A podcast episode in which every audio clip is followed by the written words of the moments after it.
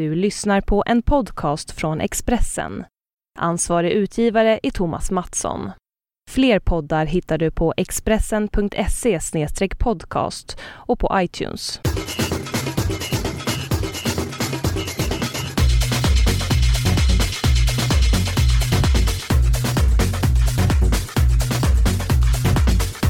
Ja, här står jag och bläddrar i ett så kallat Panini-album. Det är som man klistrar bilder i.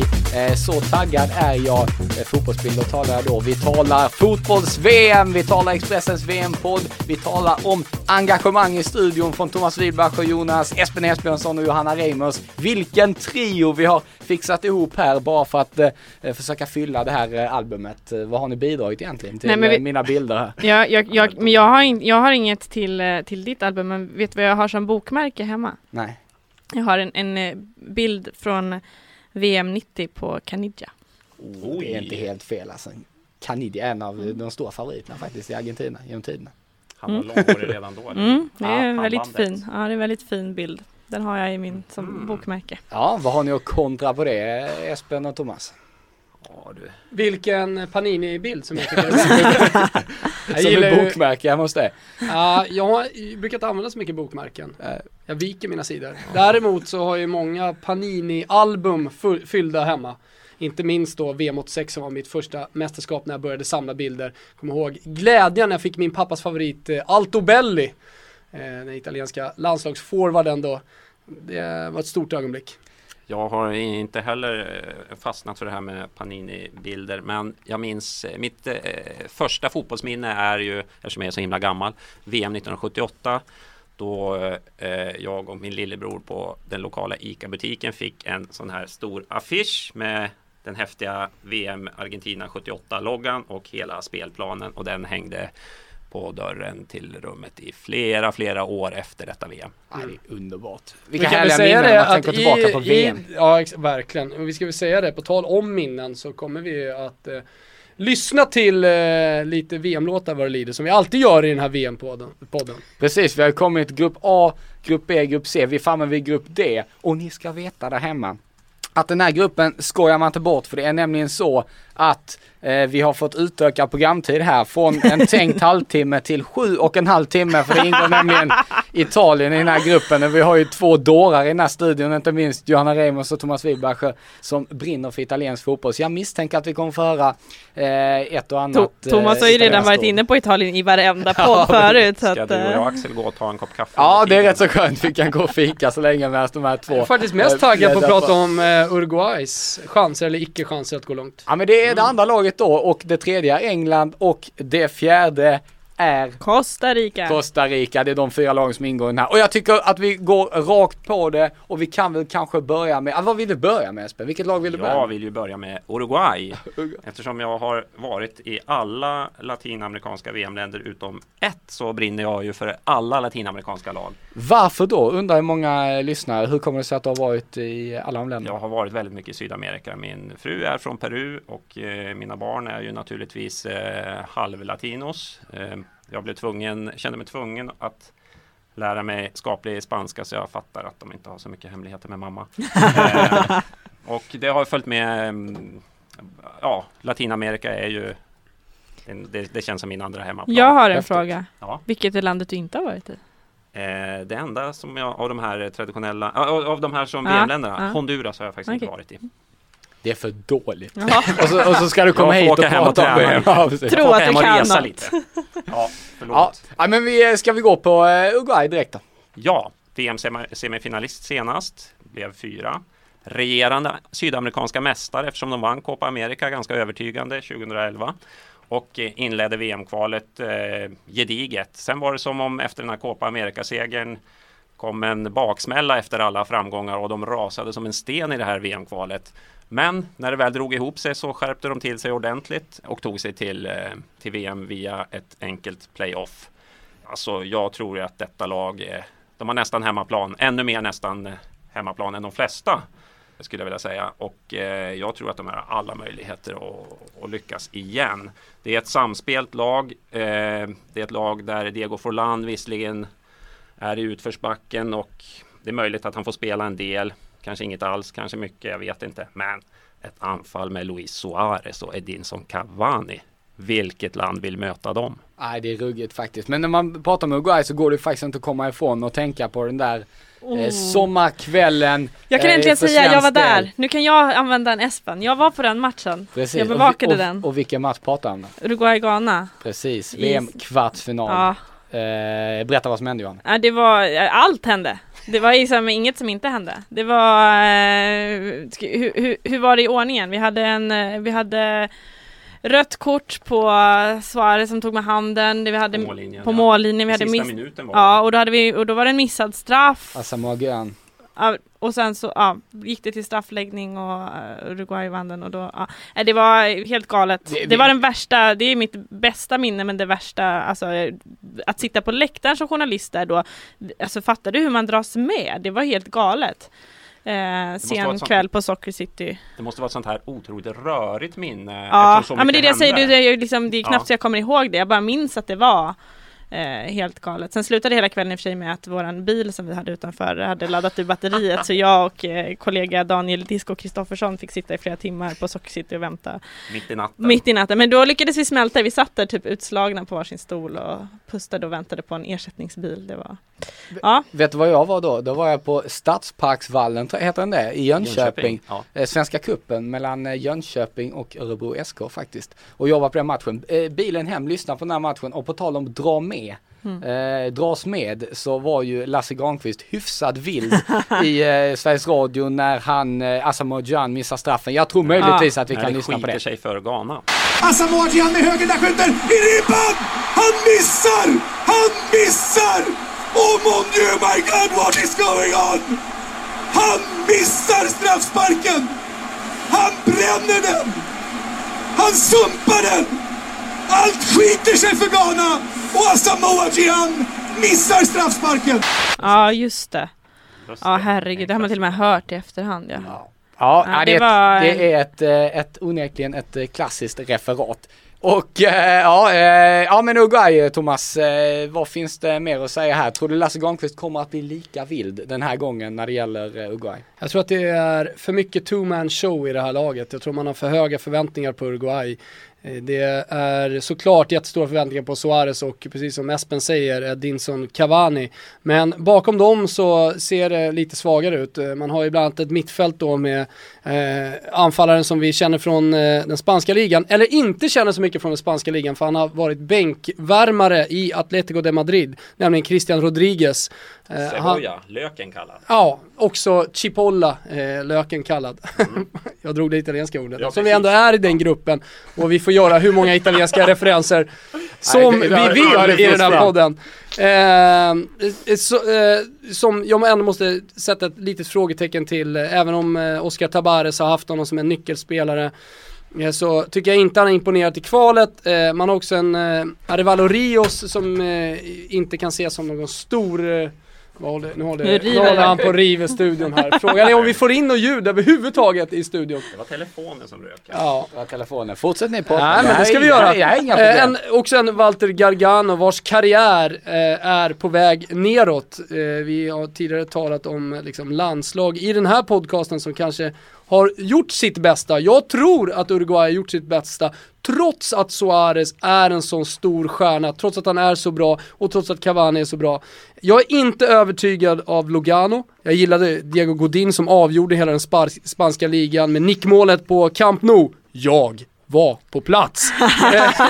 Alla är på plats någonstans. Vi, vi håller på att utkonkurrera Espen i den här Ja. podden. Eh, Muslera, visserligen en målvakt som jag håller högt, eh, eh, kan liksom, eh, vad ska jag säga, skapa en del trygghet till, till eh, försvaret. Men eh, jag är rädd att det blir lite för mycket two man show. Jag är rädd att Cavani hamnar i fel roll. Vi får se helt enkelt. Eh, men jag, jag tror inte att Uruguay kommer gå långt i det här mästerskapet.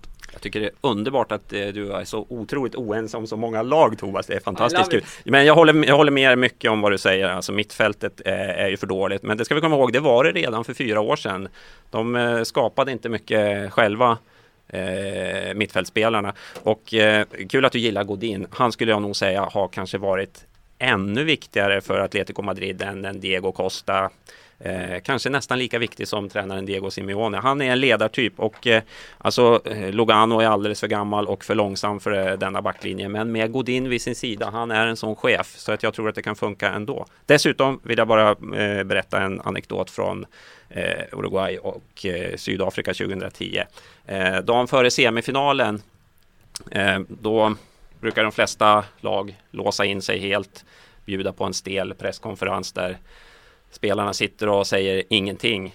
Uruguay bjöd på asado. De bjöd på grillfest dagen före eh, sin VM-semifinal. Man fick gå in i en stor gammal teatersalong och eh, gå runt och mingla med spelarna och, och prata om eh, allt möjligt. Och jag minns att jag stod jättelänge bredvid Edinson Cavani. Det var nästan så att jag fastnade i hans tandställning kändes det som. Fantastiskt. Jag skulle också velat vara där. Mest för Asadon, inte så mycket för spelarna. Ja, det är fint med grillfest måste man Ja, säga. men jag- jag- man inte får glömma bort, jag ska bara säga det, så har jag sagt mitt om Uruguay eftersom jag uppenbarligen eh, har gjort eh, den här eh, grejen till min sak, stora sak att inte tro på Uruguay. Så de imponerade inte i kvalet till VM, de fick också kvala sig till, till Brasilien. Sen verkar de vara rätt lättstörda spelarna för jag såg att eh, de hade, du vet när, spel, när, när lagen kommer till sina hotell och sådär nu så får de ju så här skicka in lite önskemål vad de behöver och så här. De har önskat sig tysta luftkonditioneringar. Så att, eh, Det, det, Tysta det, där, det där strider lite emot eh, Sydafrika också. För då när Vuvuzela-debatten härjade som värst första veckan så minns jag att, eh, eh, att Diego Forlan fick frågan om han inte blev störd. Störd av vad då? svarade han. men det kanske är på plan. Det är kanske när de ska sova som de är lite. Precis, intressant. Det, är- mm. Mm, eh, härligt, vi kanske återgår det var, till min, fler det var mitt önskningar inlägg på Ja, det är underbart, du får attackera. Ja, jag har, jag har en liten, liten lista här som vi kan gå tillbaka till. Ja men precis, det kan vi ta vid ett, vid ett tillfälle lite Mm. senare kanske. Mm. Men nu går vi på Costa Rica, ett, en nation som ger oss eh, lite mardrömmar här i Sverige. Vi minns ju tillbaka till VM 90 då eh, det gick eh, käpprätt åt ja, Pip. Typ. Medford. ja precis. Vår vän nummer sju, Medford. Och då är saken klar. Sverige utslaget. Den gode Medford som sänkte Sverige 1-2, 1-2, 1-2. Eh, kan det bli något liknande den här gången? Nej, det kan det väl egentligen inte bli. Inte i den här gruppen. Och med tanke Eh, på att Sverige heller inte är med så kan det bli Nej, tufft. precis, precis. Det kan möjligen bli 1-2, 1-2, 1-2 för Costa Rica. Exakt. Tror jag. Men eh, det är lite synd att Costa Rica hamnade just i den här gruppen.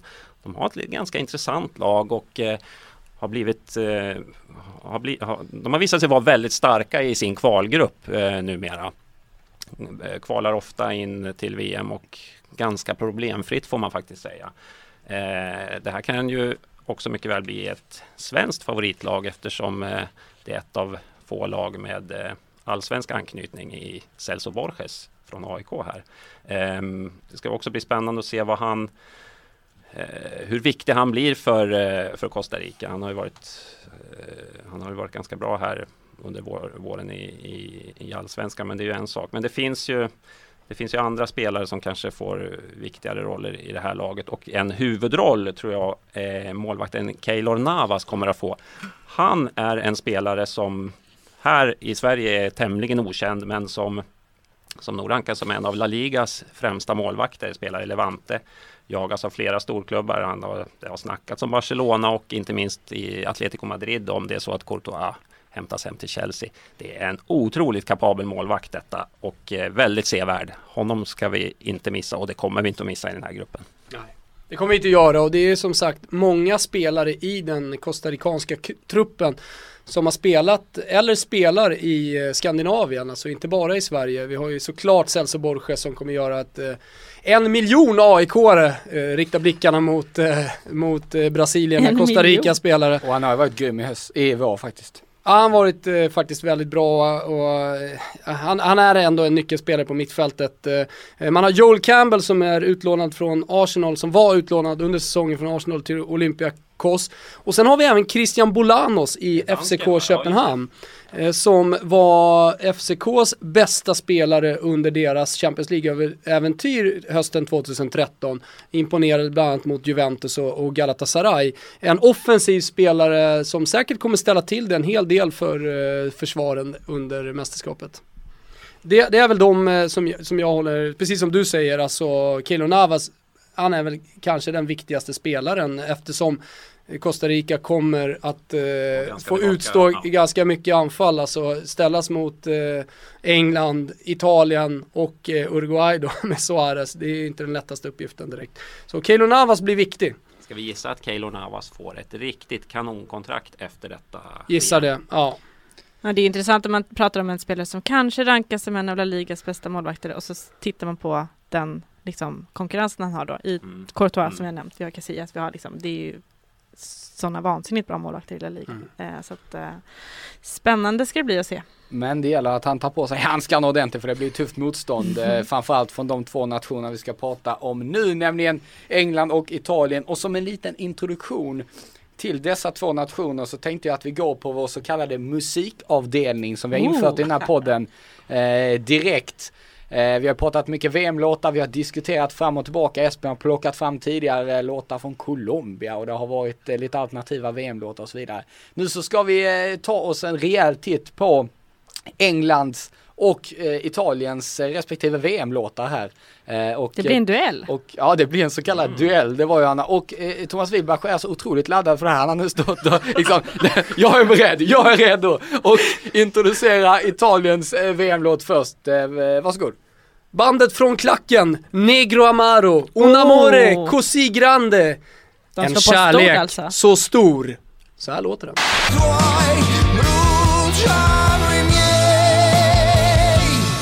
un amore così grande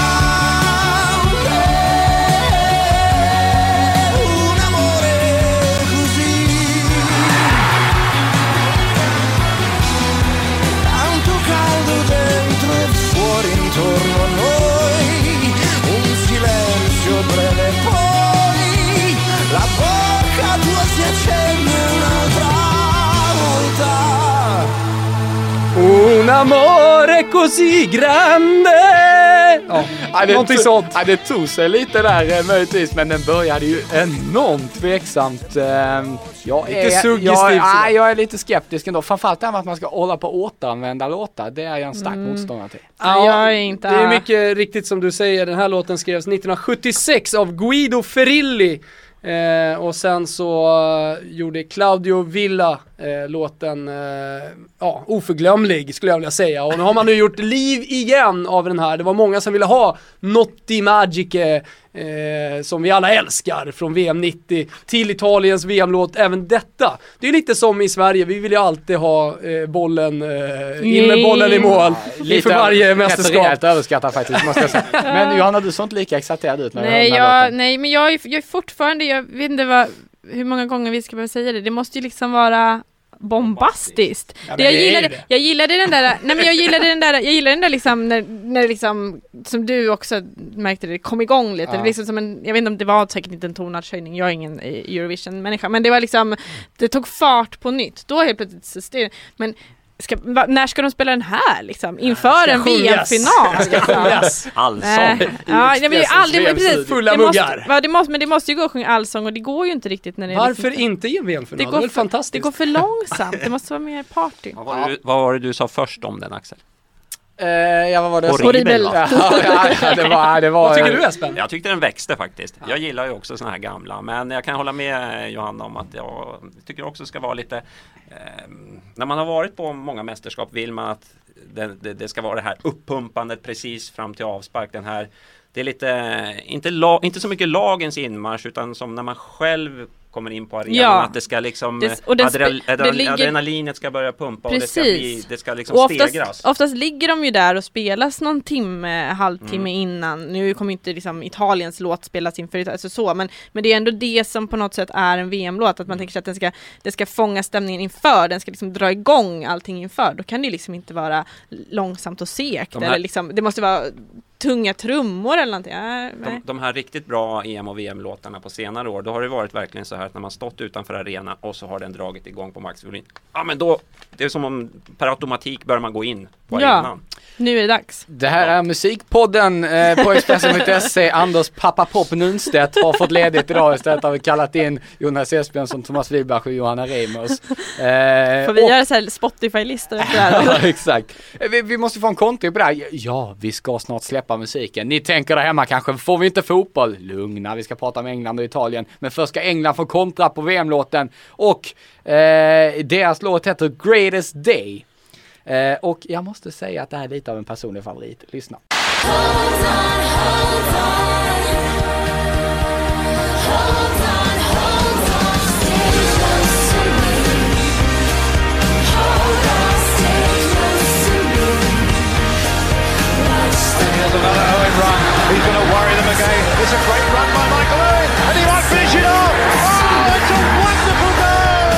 Personlig favorit. jag, kanske, jag kanske ändrade mig lite, jag hade hört den en gång innan här men Nu hit- nu hittar du ingen Jag och. Espen står ju och buggar här. Säger jag, står och dansar tryckare här. Det är som att vi liksom, eh, klockan är tolv, eh, Ja, det, var, sista det, var, det var dansen. lite så, men det var, ändå Det- den där, det var ändå den där härligaste inför liksom, nu är det något stort på gång. Jag, jag tänker när jag lyssnar på låtar, jag tänker VM-krönikan liksom. De gör avgörande målet, låten kommer igång liksom och glädje, tårar och så vidare. Då kan den här funka. Eller sorti Eh, redan i gruppspelet. Exakt. Ja, det var det jag såg framför mig du säger, liksom de här lite, lite slow motion bilder på väg ut från arenan mot bussen med, liksom med Ja. hörlurarna på, Ja, blicken det kan i vara fin, backen. det, det kan vara fin krönika i det också. Har, det Absolut. finns ett alternativ alltså. Ja, det är möjligtvis om man tänker så då. Det, Ja. må, det måste funka för båda. Exakt. Ja, Ja, ja, jag, jag, eh, säger, o, jag säger oavgjort och eh, absolut Klassning inte. av Negra Amaro, men okej. Ja, Ska vi prata England Ja, då? nu gör vi. Vi går på England nu. Eh, Denna fotbollsnation som alltid hoppas på VM-guld i- och tror att de ska Inte vinna. i De år. vinner aldrig. Nej, precis. Det kanske är så att den här gången att de inte eh, är fullt lika kaxiga. Nej, nu kommer min absoluta så här, jag var där, för jag följde ju England i hack i häl under förra VM och då var det ju enorma förväntningar och jag var en av de som hade enorma förväntningar för jag hade även följt dem under kvalet.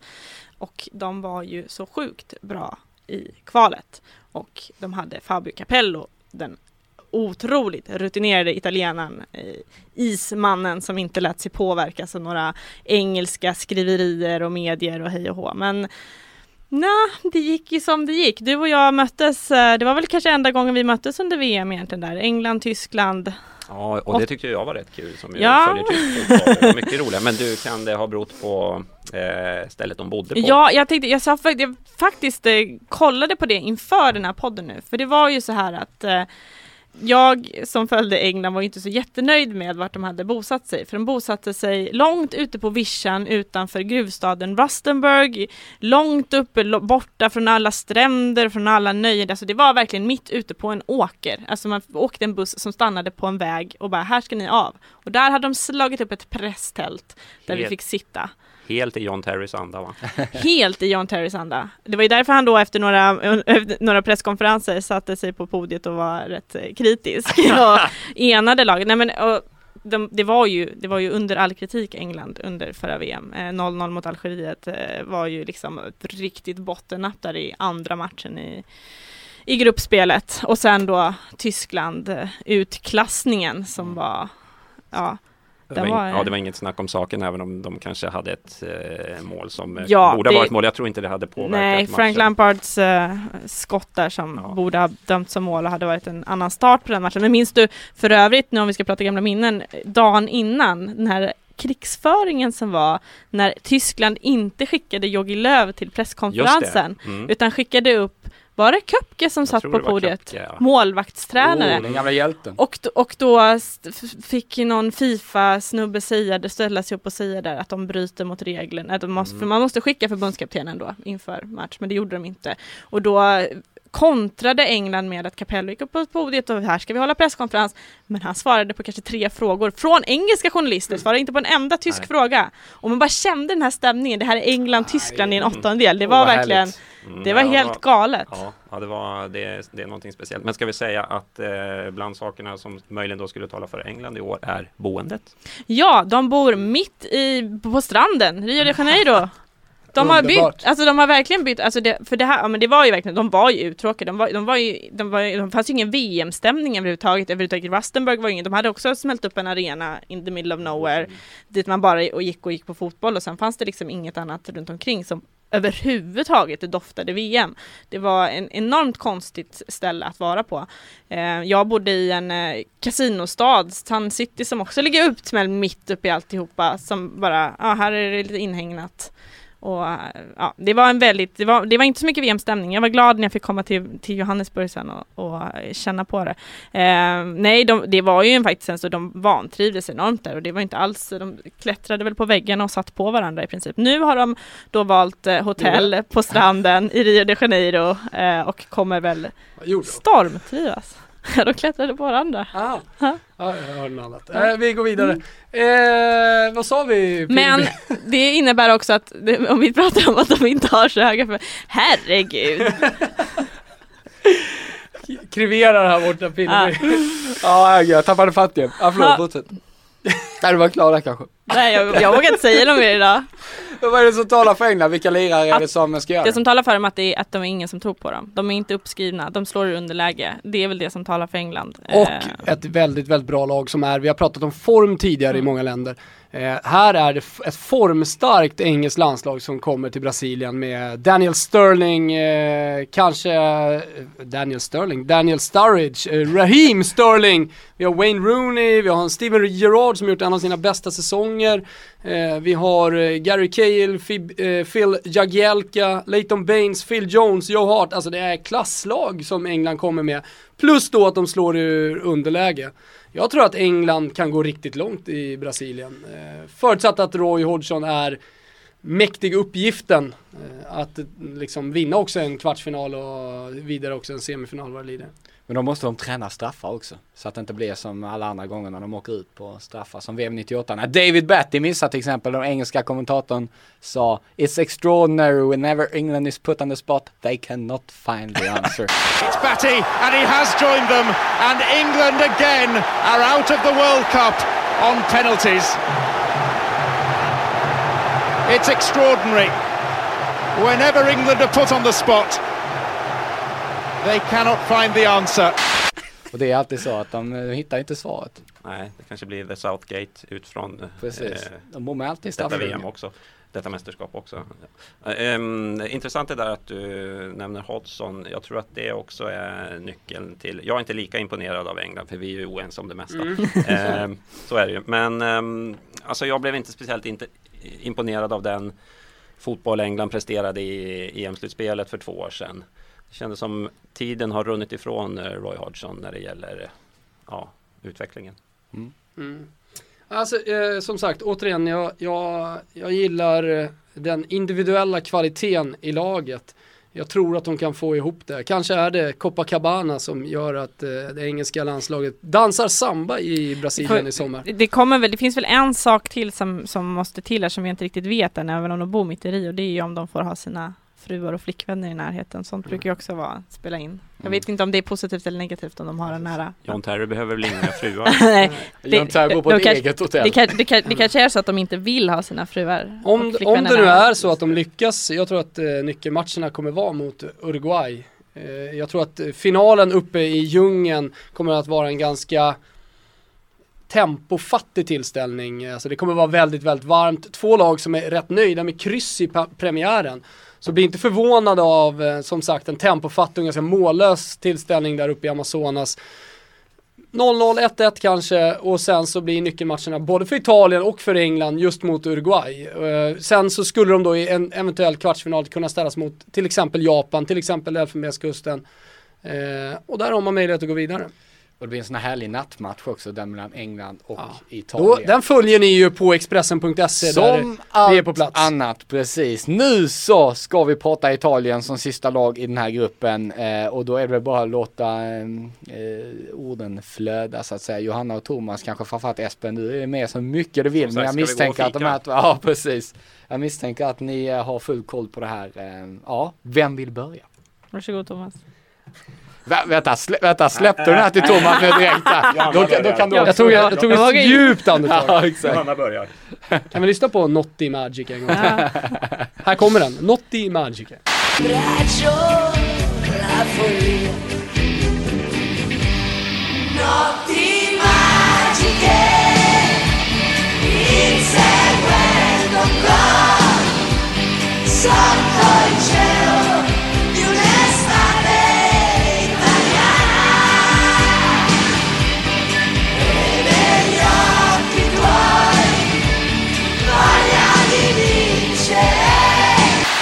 fantastiskt. Eh, det, det är ett italienskt landslag som är eh, underskattat, ett eh, italienskt landslag som är ganska uträknat på förhand återigen. Eh, det liksom den här stora spetsen finns väl inte i laget utan det är väldigt mycket kollektivet som ska göra det och det är kollektivet som har gjort det för Prandelli, förbundskaptenen under kvalet och för all del även under hela hans tid som förbundskapten. Han tog ju över efter debaclet i Sydafrika. Eh, ni har pratat om gamla minnen, eh, Italien hamnade i en ganska enkel grupp, man skulle bara gå vidare. Nya Zeeland bland annat, detta eh, ja, långt ifrån i alla fall fotbollstokiga land eh, fick man möta, eh, klarade inte eh, sig att gå vidare. Men sen Prandelli har tagit över så har han dels föryngrat landslaget, eh, det var ju ett föråldrat landslag innan dess. Eh, det har kommit in eh, många dels intressanta men även spelare som har börjat etablera sig i toppen. Jag tänker kanske framförallt på eh, Verratti som eh, har en jättefin säsong eh, bakom sig i PSG. Alltså i detta stjärnspäckade PSG så har han ändå stuckit ut som en av de nyckelspelarna, en av nyckelspelarna under eh, våren. Man har också Italiens skyttekung, alltså Serie A's skyttekung, Ciro Immobile som gjorde 22 mål, eh, som Dortmund rycker i, som Atletico de Madrid har ryktats kunna tänka sig ersätta Diego Costa med. Så att eh, det, det, finns många unga bra spelare, sen finns också mycket rutin. Eh, Andrea Pillo fyllde 35 för inte så länge sedan. Men han håller fortfarande, han håller väldigt, väldigt hög klass och där finns också spetsen i hans frisparkar. Eh, han gjorde väl sex mål tror jag på frispark under mm. den gångna säsongen, är en av Italiens absolut bästa frisparksskyttar genom tiderna. Eh, han visade även Confederations Cup att han, att han har det på brasiliansk mark eh, med. Och sen det viktigaste av allt som jag också skrev om i Expressens VM-guide som ni såklart måste införskaffa Eh, ett Juventus-block och det är det som är tryggheten i det här italienska landslaget. Gianluigi Buffon, återigen då en äldre spelare, en erfaren spelare men som fortfarande har kvar reflexerna. Eh, han eh, har visat i Juventus att han fortfarande håller riktigt hög klass och framför sig så har han Barzagli och Giorgio Chiellini som eh, håller ihop eh, det här italienska landslaget Ah, jag tror att de kan slå i underläge. Får man bara till anfallsspelet, eh, får man till exempel en Mario Balotelli och, och prestera, ut, alltså prestera max utifrån sin talang, då tror jag att de kan gå riktigt långt. Och sen ska vi inte räkna bort heller eh, Giuseppe Rossi som har varit skadad under säsongen men som lyckades komma tillbaka, gjorde en imponerande avslutning på Serie A med både mål och assist.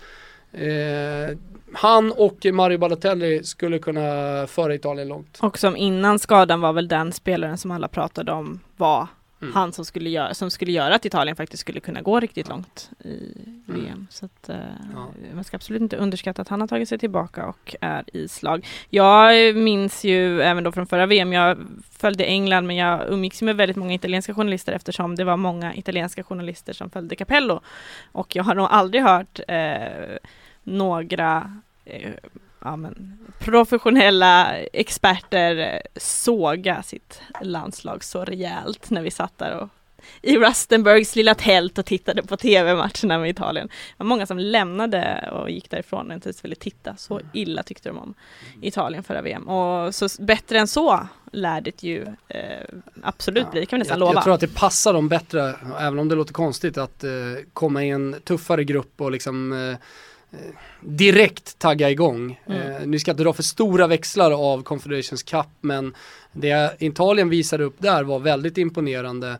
Eh, du talade om att Spanien kom från en lång turné tidigare och det var inte ett Spanien i slag så vi ska som sagt inte dra för stora växlar men i semifinalen så var man ju faktiskt ett par klasser bättre än Spanien om man inte lyckades ta sig vidare och de var det enda laget som faktiskt hotade ett briljant brasilianskt landslag. Så att eh, räkna inte bort Italien, det är väl någonstans mina slutord. Så. Men, men det här med, ni pratar lite om slå underläge och kan överraska och räkna inte bort. Är det inte sagt lite klassiskt italienskt eller är det jag som har fel där? Att ni ofta liksom tar ner, lite... tar ner, tar ner själva lite, nu säger jag er, men alltså att ni underskatt, alltså att man gärna vill slå underläge. Det är ju många spelare, i stort sett alla spelar i den inhemska ligan och det är ett Serie A som är lite på dekis och det är väl därför man inte riktigt ser de prestationerna som många spelare gör.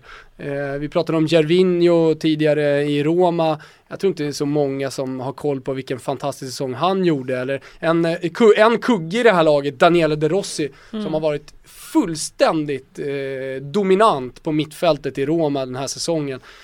Eh, spelare som eh, Manchester United har varit ute efter tidigare, Real Madrid och så vidare.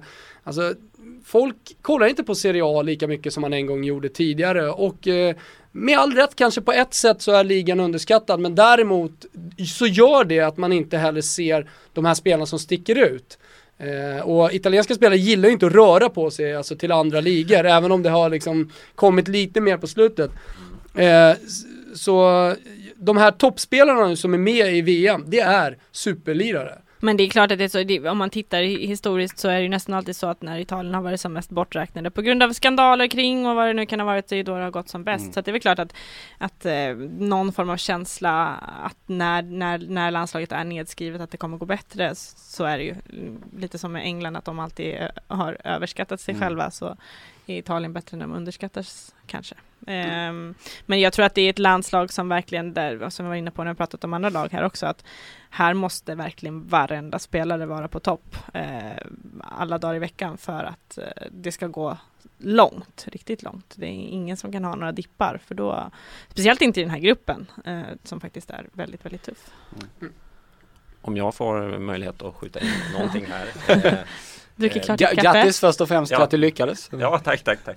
Eh, jag håller med eh, i stort sett allt ni säger där. Jag stä- det, det jag ställer mig lite frågande till är om Buffon är riktigt så bra fortfarande och vad som händer om till exempel Pirlo skulle bli skadad eller, eller någonting. Men däremot skulle jag vilja skjuta in verkligen att eh, ända sedan EM 2012 är jag väldigt förtjust i den fotboll Prandellis landslag spelar och jag tror att den passar det här laget väldigt bra. Ehm, De har- Hög press och så vidare. Ja, och de har blivit sevärda och eh, ja, då, det, det funkar väldigt bra. Och eh, funkar någonting bra, man är trygg i, i det så brukar ju det ge resultat. Eh, Det man får säga är ju för de som, som kanske inte har sett Italien spela på ett tag och som är vana vid att eh, man pratar om en liksom trygg defensiv och en eh, kanske lite, ja, att det är defensiven som är tryggheten så är det ju ett annat, ett lag som är balanserat annorlunda. Det är kanske defensiven man är mer orolig för nu Mm. medan det är offensiven som är den som ska ta Italien långt. Så det kommer ju se väldigt annorlunda ut de som liksom brukar hånfullt prata om Catenaccio och liksom italienare som spelar för 0-0 och sådär. Så, så kommer det inte se ut. Jag är inte så orolig om Pillo inte kan spela. Jag tycker att det finns goda alternativ. Jag nämnde Verratti tidigare. Eh, Man har även Thiago Motta, man har en Ricardo Montolivo. Det finns ganska, ganska mycket bredd i truppen ändå.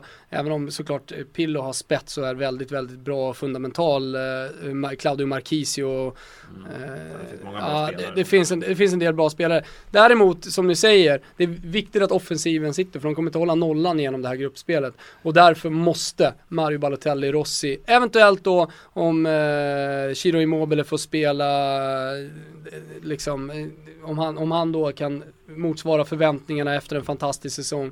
Men det måste funka, Italien måste göra mål, annars kommer inte det här hålla. Nej, vi får helt enkelt se hur det går. Och hur kommer det då gå Thomas? Vilka två lag kommer ta sig vidare från gruppen? Italia, S, eh, Italia och eh, Ingilterra, England. Favoriterna? Då säger jag Italia och Uruguay. Inte England. England utslaget då alltså. England utslaget. Jag kör på Thomas variant. Jag säger Italien och England. Mm. Mm, jag tror att England lyckas, eh, de lyckas alltid krångla sig vidare på något sätt och de är, eh, just att de slår underläge tror jag. Mm. Eh, passar de här? Mm, det blir en grymt häftig upp- öppningsmatch här på natten och ni kan ju ladda med att lyssna på de här två VM-låtarna också som vi har lyssnat på i eh, Eller ska ni plocka fram gamla då som Något i Magica och sen så den här gamla, var det EM-låten? Football's coming home? Med, Ja just det, Den, exakt. den kan ni ta istället och lyssna på. 96, va? Ja. ja, det finns mycket härligt att lyssna på. Till exempel den här podcasten. För den fortsätter nämligen, vi har bara klarat av fyra grupper, tro det eller ej. Eh, I nästa avsnitt så ska vi gå till attack. På Grupp E. Precis Espen, halvtid eh, är vad det är. Men eh, ja, nu nöjer vi oss den här gången. Italien-avsnittet får vi nästan kalla det här kanske. Det blev en del Italien. Det men blev en del. Uruguay måste man Ja, säga. det Det blev en del England och. Costa Rica också för den delen också. Jag hoppas ni att, har haft en härlig lyssning. Eh, så säger vi på återseende och tack tack.